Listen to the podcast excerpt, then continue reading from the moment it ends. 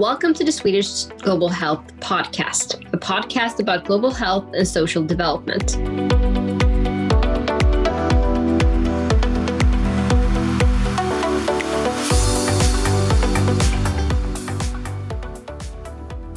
This podcast is brought to you by the Swedish Society of Medicine Student and Junior Doctor Section and the Swedish Society of Medicine Committee on Global Health. Today's podcast will address topics of Agenda 2030, an ambitious agenda addressing sustainable development in the world. It was adopted in 2015 by the UN General Assembly. However, what do these goals implicate? How do we reach them? and are they even reachable? The Agenda 2030 will be addressed in two separate episodes. Episode one will focus on the core elements of the Sustainable Development Goals and how health issues are addressed in the agenda. Whereas the second episode will concentrate on the implementation process, the importance of leaving no one behind, and the importance of global partnerships. My name is Hannah Will, and I'm honored to be one of your podcast coordinators today. I have extensive experience in the field of global health, and I currently work as a resident physician in family medicine in Sweden. We are three podcast coordinators today. In addition to myself, we have Sara Vide Gustafsson and Hanna Järndal with us today. Sara, would you like to introduce yourself? Yes, thank you, Hannah. My name is uh, Sara Vide Gustafsson, and I'm a junior doctor at the internal medicine clinic at Ryhovjen in Jönköping. And I'm the, also the president of the Swedish junior doctor section of the Swedish Society of Medicine. And I'm very glad to be with you today. Okay, then I'll go next. Uh, so my name is Hanna Järndal, uh, and um, I work as an intern physician at the Umeå University Hospital. And I'm also soon to be registered as a PhD in infectious diseases. Uh, and I'm here today because I'm the Secretary of Ethics for the Swedish um, Society of Medicine's uh, student and junior doctor section. So, very happy to be here.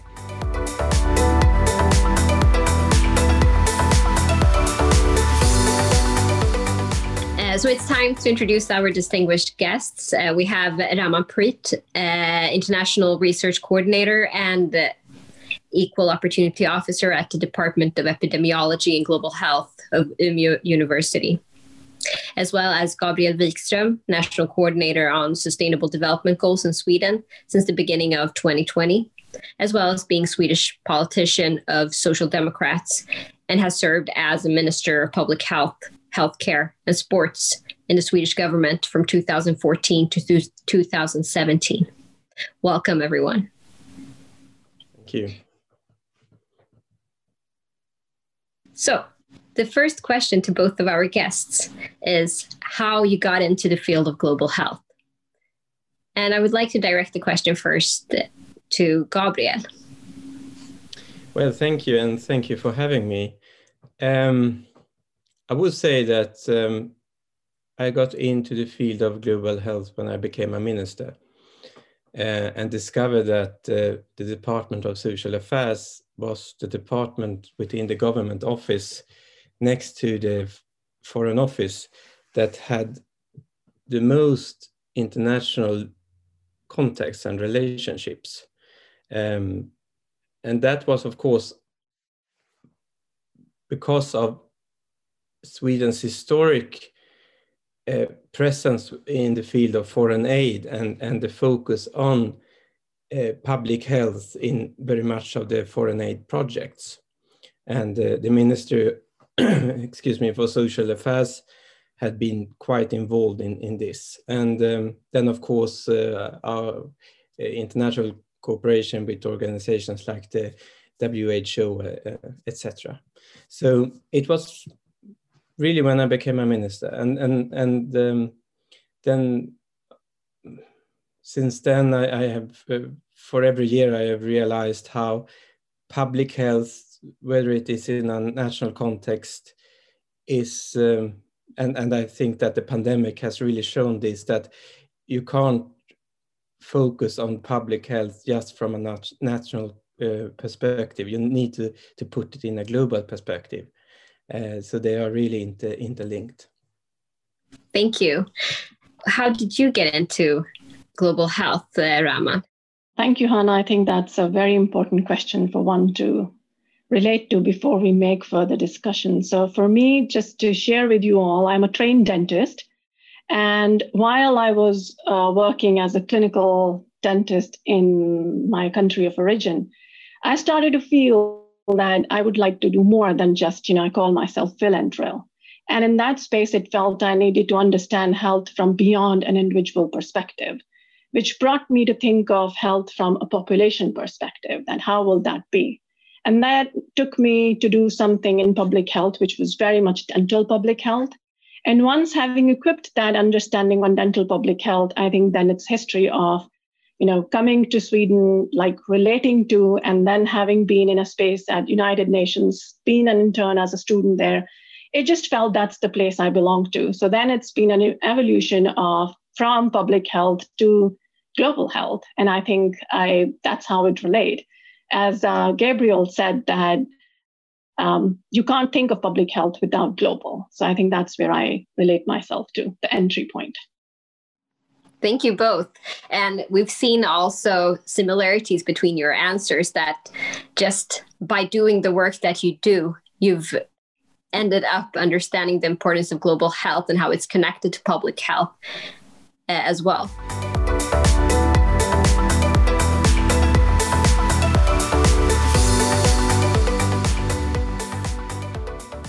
And uh, now we will move on to our first question. Hannah, would you like to ask it? Yeah, sure. Because from public health and global health, we're moving on to the sustainability. And we'll start by discussing what is actually sustainable development. Why and how were the sustainable development goals created? And also, I guess we can try to connect it to the, the previous topics that we just discussed on global health and, and public health. So, Gabriel, would you like to start? Yes, uh, absolutely. And I noticed that it was actually three questions. So I, I, will try to answer them all. And um, first, to say something about the definition of um, sustainability. Um, there are, of course, many scientific definitions and, and uh, definitions um, in the 2030 Agenda document, but I used to think about sustainability as uh, the importance of having a long-term perspective.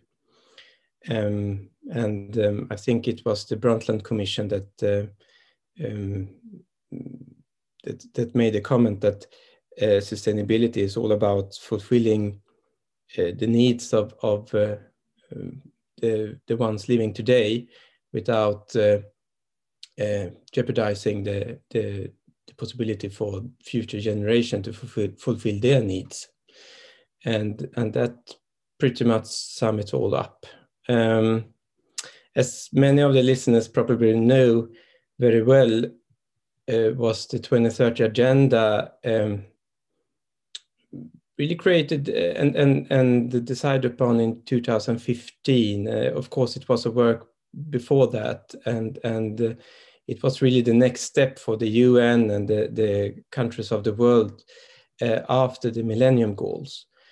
And this was to uh, address issues that um, was relevant not only for the poor countries in the world or the poor populations of the world, but, but for all countries and the pathway to sustainability.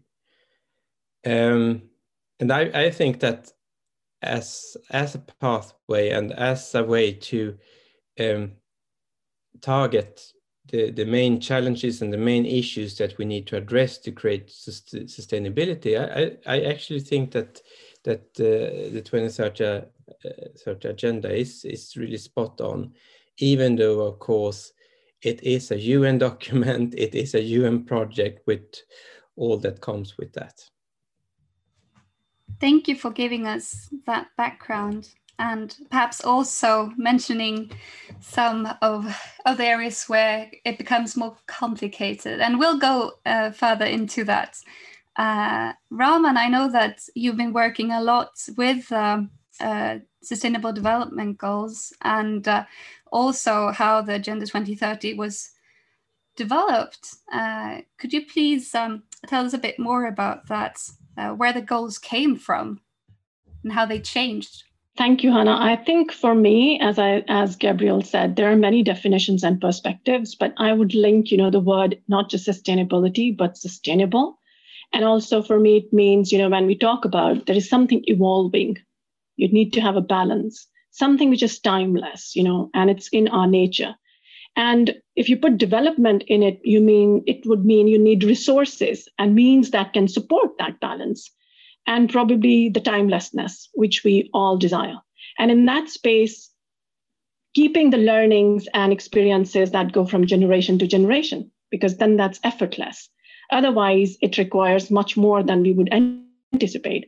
And I think that's what, as we said, they're coming from much larger work that happened in the turn of this century, actually, 2000.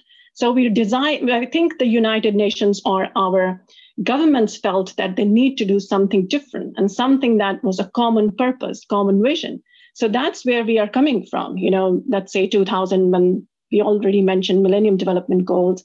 And towards the end of first decade, it just started to feel this is not the only way we are going to make the world a better place, if that's what we want to achieve with the Millennium Development Goals. And by 2015, we had come across something, and we all know these huge goals that we've set for ourselves. But I think uh, the question, as you said, how they were created, we all know where they're coming from. But I think your the coming things would be interesting to share. What more do you want to know when it comes to you know the relationship of SDGs further? So yeah, that's it. Exactly. Thank you. And and well, that's actually kind of our next question. What core elements are needed also to achieve the Sustainable Development Goals? Um, yeah, would you like to continue, Raman? Yeah, if you would let me go, then I would say I have a very, you know, I have a statement which I generally share. It's very simple. I would add, you know, desire, wish, uh, cooperation in a community for collaboration, and creating synergies in any context and culture. I think that's for me is a core element when we are thinking of sustainable development. Thank you. Would you like to add anything onto that, Gabriel?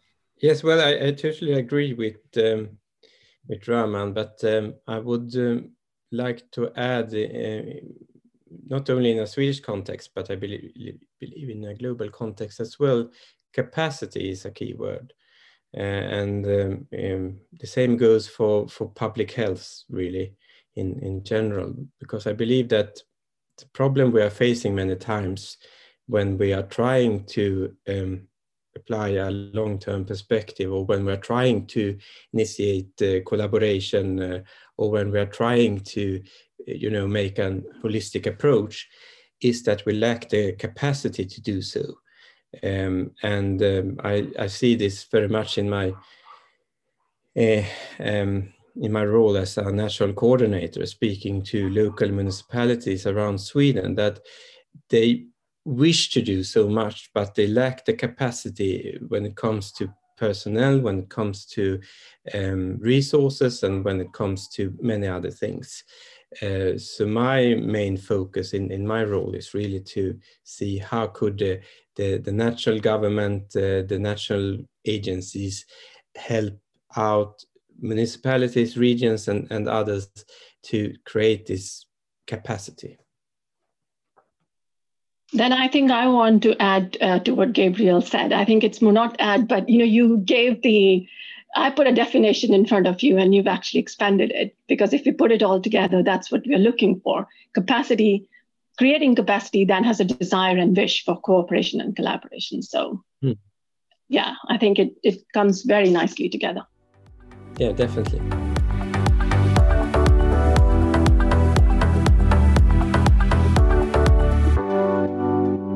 Gabriel, you before mentioned the Millennium Development Goals.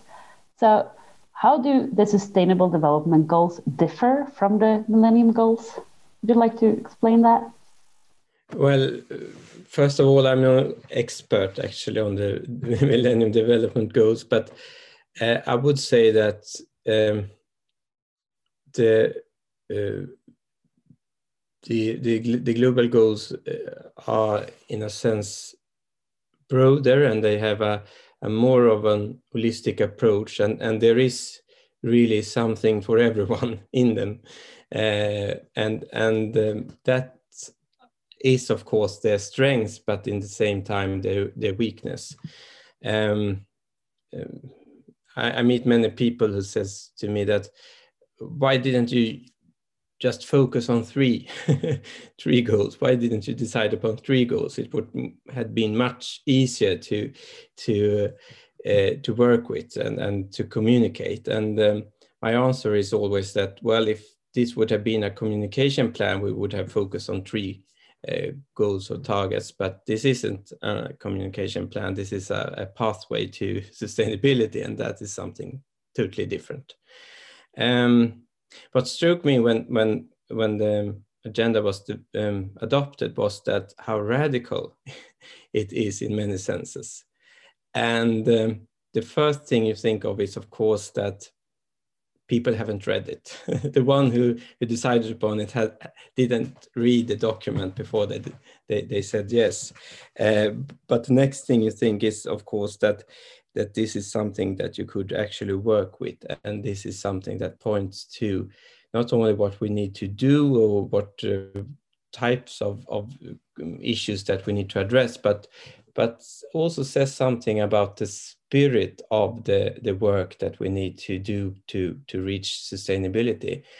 And, um, and um, what has made me very happy the last year is during the pandemic, during the economic crisis, so many people, so many institutions, so many people with power has um, has actually referred to the to the agenda uh, when they are talking about how to um, build back uh, society and and to to you know overcome the crisis and, and the pandemic. So so and, and and that also shows the strength of of uh, of the work that has been done. Yes um, for sure that we're actually using the agenda to achieve something or to to look back at it and have support in what we're doing uh, but Raman, how would you say that the implementation and the success of sustainable development goals can be, or how can we ensure that, uh, despite the fact that they're not legally binding? Um, I would say, Sara, I carry on with, you know, when we are thinking that, you know, implementation of any such large processes is not that straightforward. And Agenda 2030 is not legally binding. So to me, it's more or less the goodwill and you know the uptake of how every government, though we've seen it as a vision of the world, but we haven't said that this is what you should be doing. I mean, this hasn't been you know put in words like that. So it's up to the uptake of any government how they would want to you know relate to it, engage with it. And I think that makes it quite complicated because every government and every context would be different what is important for them in terms of which goal as gabriel said why not only three? You know in one sense we had eight millennium development goals and we made them 17 sustainable development goals.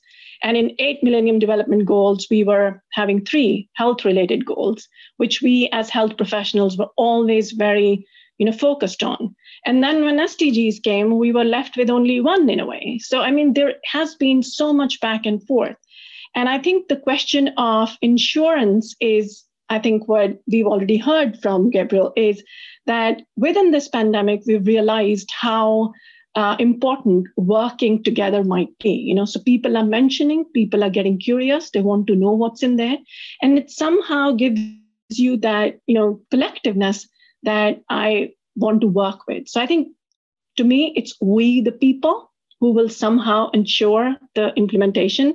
And I think all of us, we already talked about capacity in different spaces where we are sitting, will give that kind of, you know, maybe adherence to the uptake of this agenda and its implementation. Thank you very much. And Gabriel, do you have anything to add to that as a former minister and actually working in the government? Um, well, I would say that um,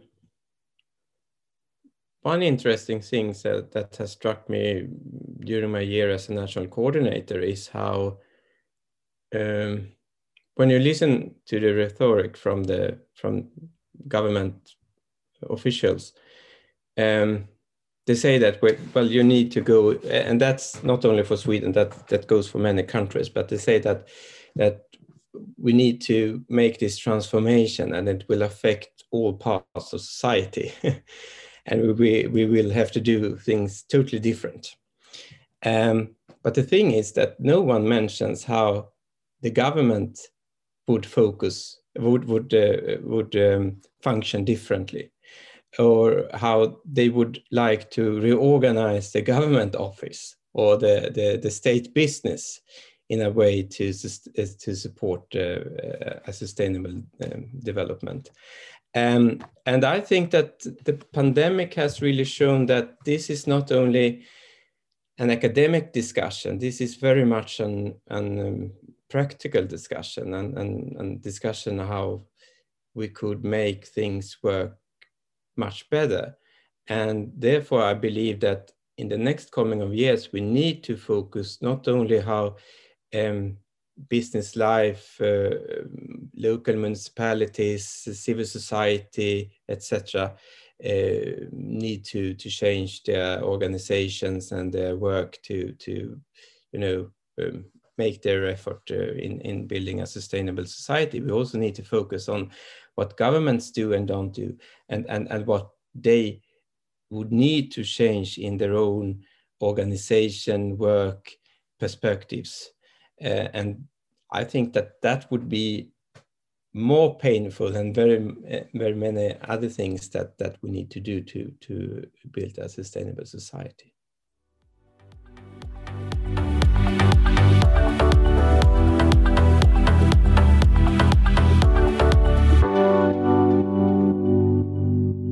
when you've answered these questions, you've mentioned a lot in regards to barriers in uh, implementation of these goals. And uh, my question is therefore Has there been any progress in achieving these goals during these years? Because we have 17 goals and we have 134 targets. That's a lot to achieve. Gabriel, do you have anything to answer in regards to have we done anything? Have you, as a government, done anything? Well, I would say that we have actually. Uh, most of the things we have done uh, have, of course, been, you know, analyzing the problems and the challenging challenges, um, coming up with a theoretical framework, um, trying to, uh, from a Swedish uh, perspective, trying to see how to implement agenda in, in Sweden and in, in local municipalities and so on. So we have, we have done a lot of thinking. The problem is that we now need to um, focus um, our efforts to towards uh, doing and, and, and, and, you know, um, trying to implement these thoughts in, in real life. And there is where it becomes difficult. Uh, um, and I, I, would say that the easy part, we, we still have some easy parts to do. And, and some of them is to remove the obstacles towards implementation.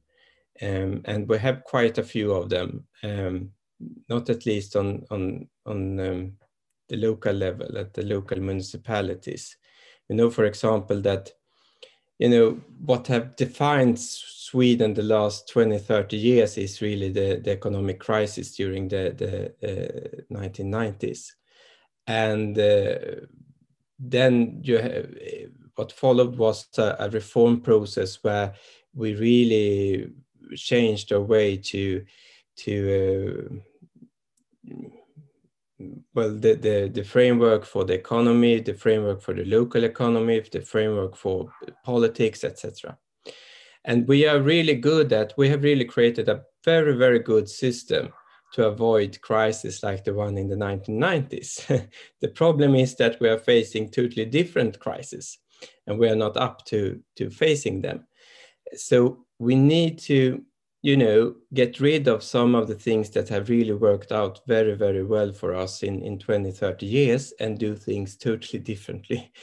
And and one of them is for example that that many municipalities like other institutions like and and so on around the world have their one year budgets very short term perspective uh, lacking the possibility to you know making social investments or other types of investments uh, that would really be needed and so on.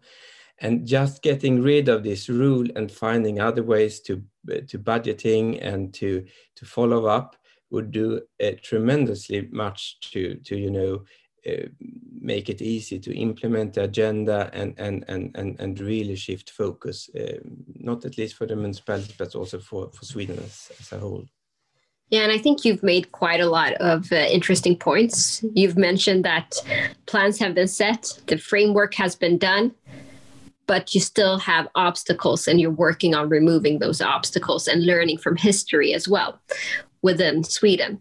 But what has happened on a global frame? What have we done globally to achieve these goals? What progress has been made? Raman, do you have anything to add on to that? As well as if you have something to add to what Gabriel said as well. I think to Gabriel, I want to add in Swedish perspective, I think we, we have gone one step ahead, and I'll bring you to our own education as medical professionals. You know, we are changing the medical professional program. So is Agenda 2030 is like an integral part of that education now. And the students will need to understand the whole idea and the way we are doing it like over semesters and it would be a continuum in education and i think that is something because we want to adopt and kind of adapt ourselves with this new thinking which gabriel mentioned but if we you know zoom out on the global scale i think that will be a very interesting discussion um, for all of us because we are sitting at a time in the global pandemic where we can say you know outright that we did do lots of success and achievement on different aspects and different goals.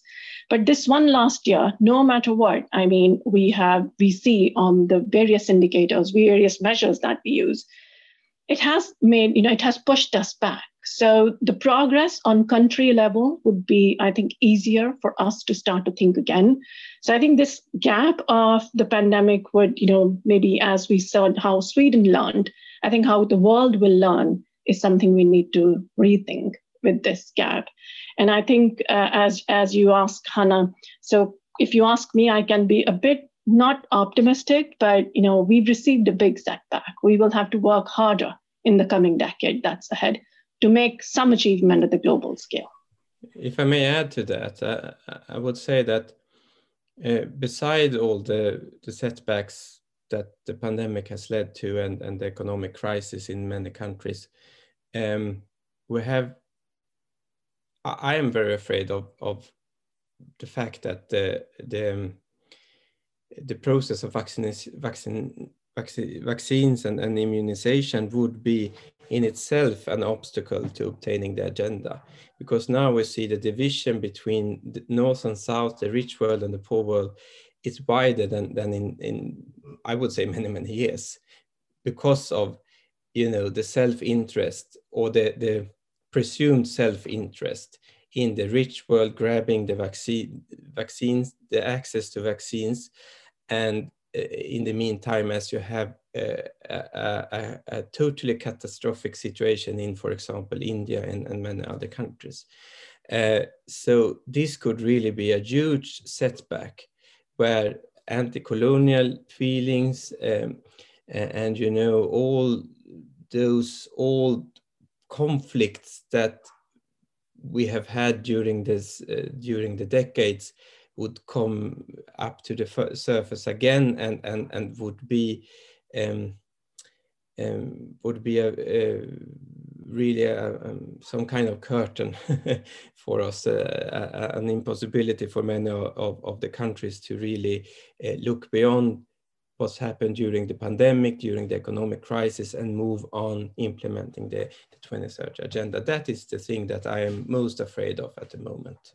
Thank you for adding that as well. And um, you've both highlighted some issues we've seen throughout this year and some setback that we've had uh, in regards to the progress. And Gabriel, you've mentioned the vaccination. We've also seen in the early stages of this pandemic in regards to other stuff like masks, gloves, protective gear, not being able to share that as well between the nations. And uh, remembering that self-interest has been highlighted in these in these scenarios and not understanding the importance of global collaboration especially in these kind of situations and adding on the historical context as well.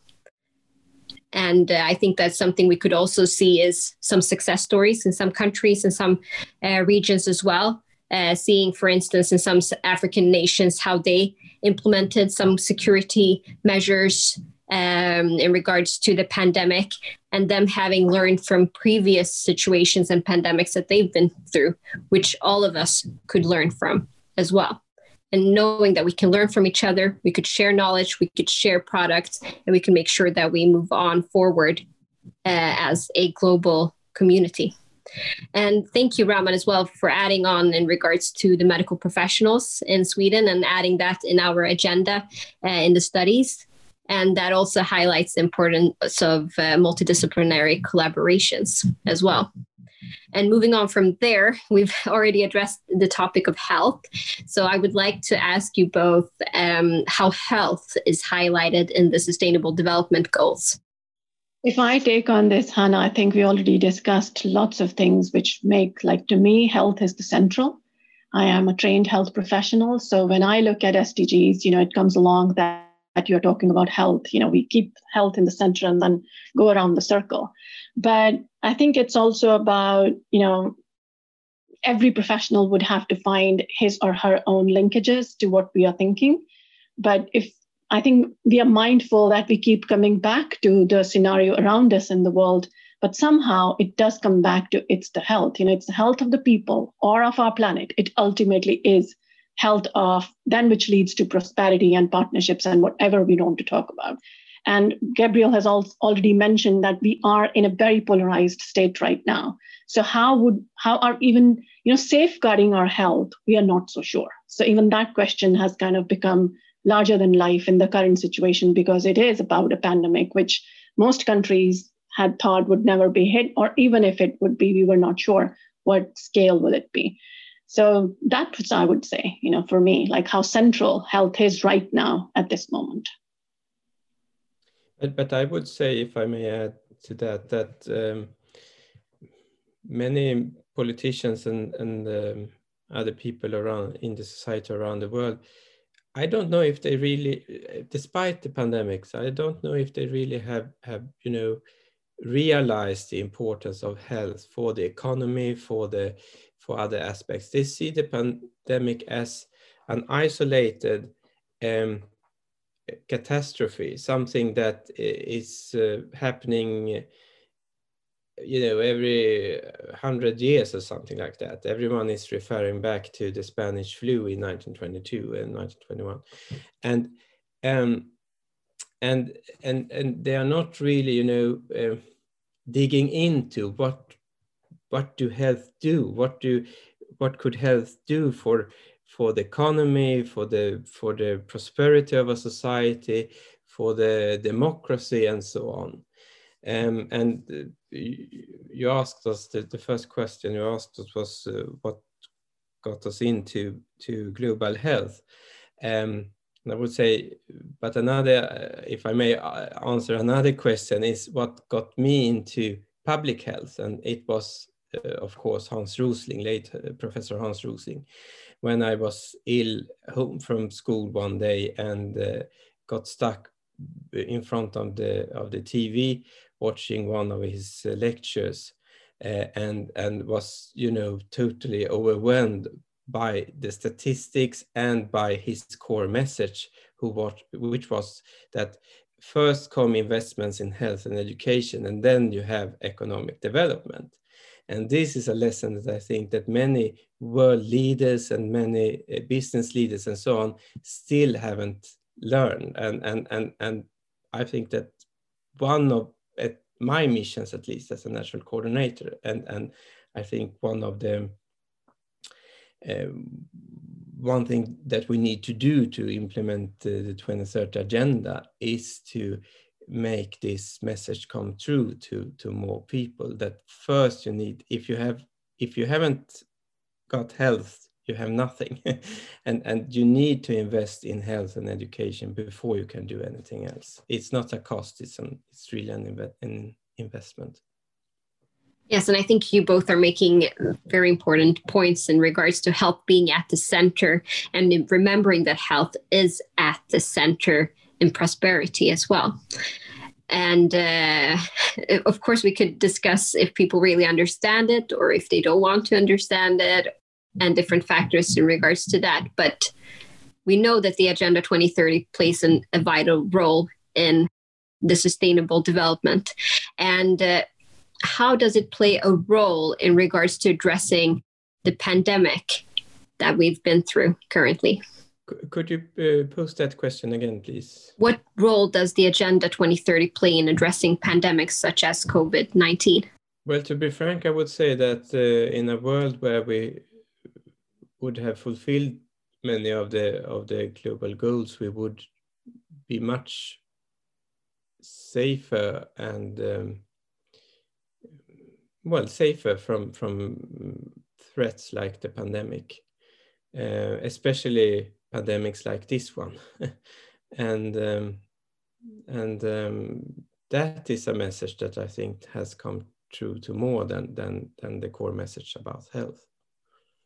And Hannah, if I add, you know, I would say let's be mindful that the agenda was written at a time when we were not thinking of pandemics. We were not thinking of large scale epidemics in, in sense of infectious disease, and that too of this scale. So, you know, we were not, we were talking about preparedness. We were talking about, you know, things and they were happening in other parts of the world because that's how millennium development goals became sustainable development goals we had thoughts and ideas but we did not have framework or action plan which you know gabriel mentioned that has come over time with the sustainable development goals so i think this um, pandemic probably is asking us to reconsider or reorient some of these tasks or how would we implement so the lessons are you know the question is what role does it play the role it will play is we have a framework but probably we need to reorient and reconsider our action plan to you know reach some of the targets that we were unsure before if it would be hit by the pandemic. So that's um, that's what I would add. Mm. And, and and I would say also that you know one of the problems with the 2030 agenda or with the to focus on sustainability is that it is many times defined as you know environmental sustainability and and you know, focusing on global health, public health, and so on, it's a bit out of fashion, or it has actually been a bit out of fashion. And um, um, I think that that the pandemic is really, if it's a, it's of course a bit, you know, it's not really that good to speak about opportunities and chances uh, related to the pandemic. But if there are any chances, I would say that um, promoting investments in healthcare and, and what they could do for the for the implementation of the agenda in in in, in general uh, that would be a chance that the pandemic has uh, has uh, brought to us actually thank you for that and uh, you mentioned also some of the disadvantages here earlier of with the agenda 2030 uh, framework uh, you also mentioned a lot of the possibilities with it and steps ahead. So, what do you think? Will we be able to achieve the Sustainable Development Goals by year 2030? Who would like to start? I have a short answer to that, Hannah, and I am quite straightforward. You know, the best question we can ask ourselves is like, you know it's like asking ourselves will the world be completely different than what it is today? You know with no inequalities no peace like all peace no conflicts. And also like there is no disaster be it man-made or you know whichever way. So probably not. I mean in 10 years we can't turn around the world to be like our sketch of beautiful space that we want to but does that make us not work for it is my question. So I would say rather what we are facing today makes you think I would like to work more. I would like to be a part of this and I would want to be, you know, someone who can contribute to make it, if not 2030, but we have that in, in our vision. So that's what I would say, you know, to that question.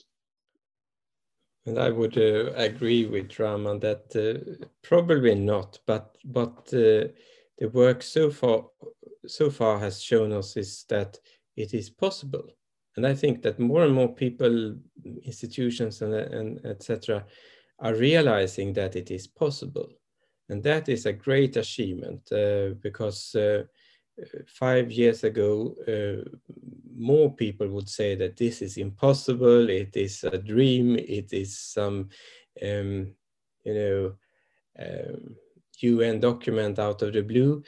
Uh, but since then, different uh, stakeholders have started to, you know, work with the with the question of implementation, and it has a lot of research has been done and so on. And, and suddenly people realize that, well, this is not, you know, trying to, to take down the moon. It's, it's really something that could be implemented. It's something that could be achieved. And that is, as I said, a, a, a great progress for the ideas that, that are at the very center of the agenda. Definitely. And also highlighting perhaps ownership that you feel that you are a part of this huge project, not just a document from somewhere, but yeah. And there we come back to uh, um, once again uh, how you engage uh, and also have uh, capacity uh, in the different spaces.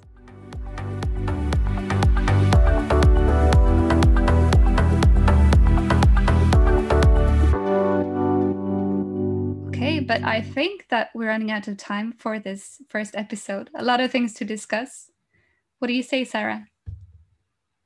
Yes, uh, it's been a very interesting talk today.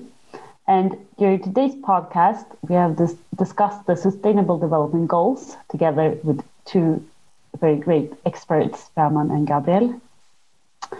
And we would like to thank both of you for being here with us today.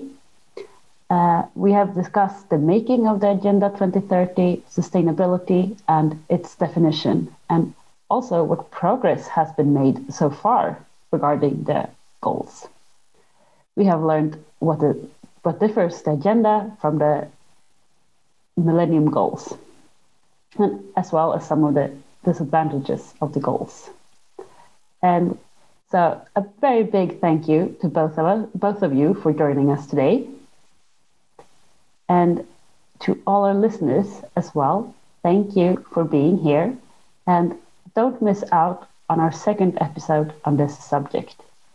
We will discuss the implementation process, the importance of global partnership, which already have been mentioned a little bit in this podcast, and also the concept of leaving no one behind.